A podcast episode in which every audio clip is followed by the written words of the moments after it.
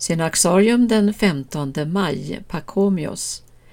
Pakomios uppfann klosterregeln och blev därmed en av kyrkohistoriens mest nydanande gestalter.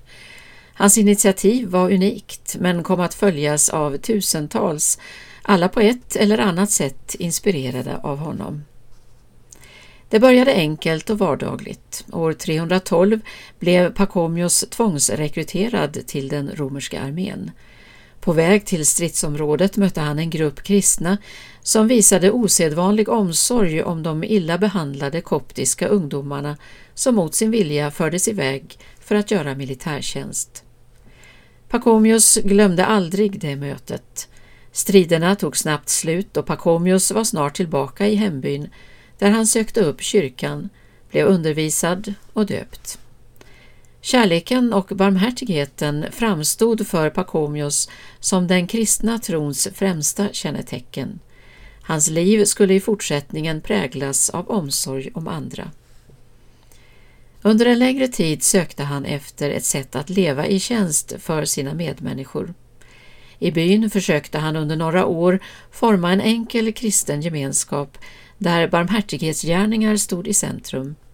Men snart kände han behov av större avskildhet och ett radikalare asketiskt liv. Han slog följe med en äldre asket, Palamon, och blev som dennes lärjunge infogad i en etablerad livsrytm med bön, fasta och andliga övningar.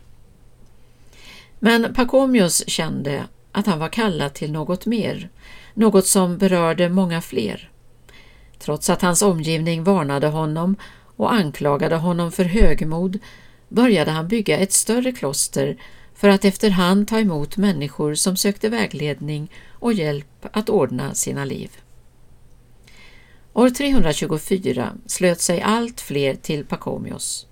Efter fem år hade klostret vuxit över alla breddar och inte långt därifrån, i Bav, lät Pakomios uppföra ett tvillingkloster.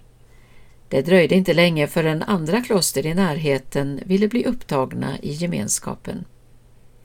Kloster grundades även för kvinnor och längre norrut för grekisktalande asketer. Vid Pacomios död var inte mindre än nio kloster med totalt flera tusen munkar inordnade i den pakomianska gemenskapen. Pacomius ville forma ett nytt samhälle där alla fick del av andlig fostran och blev en del av en gemenskap av bön och arbete.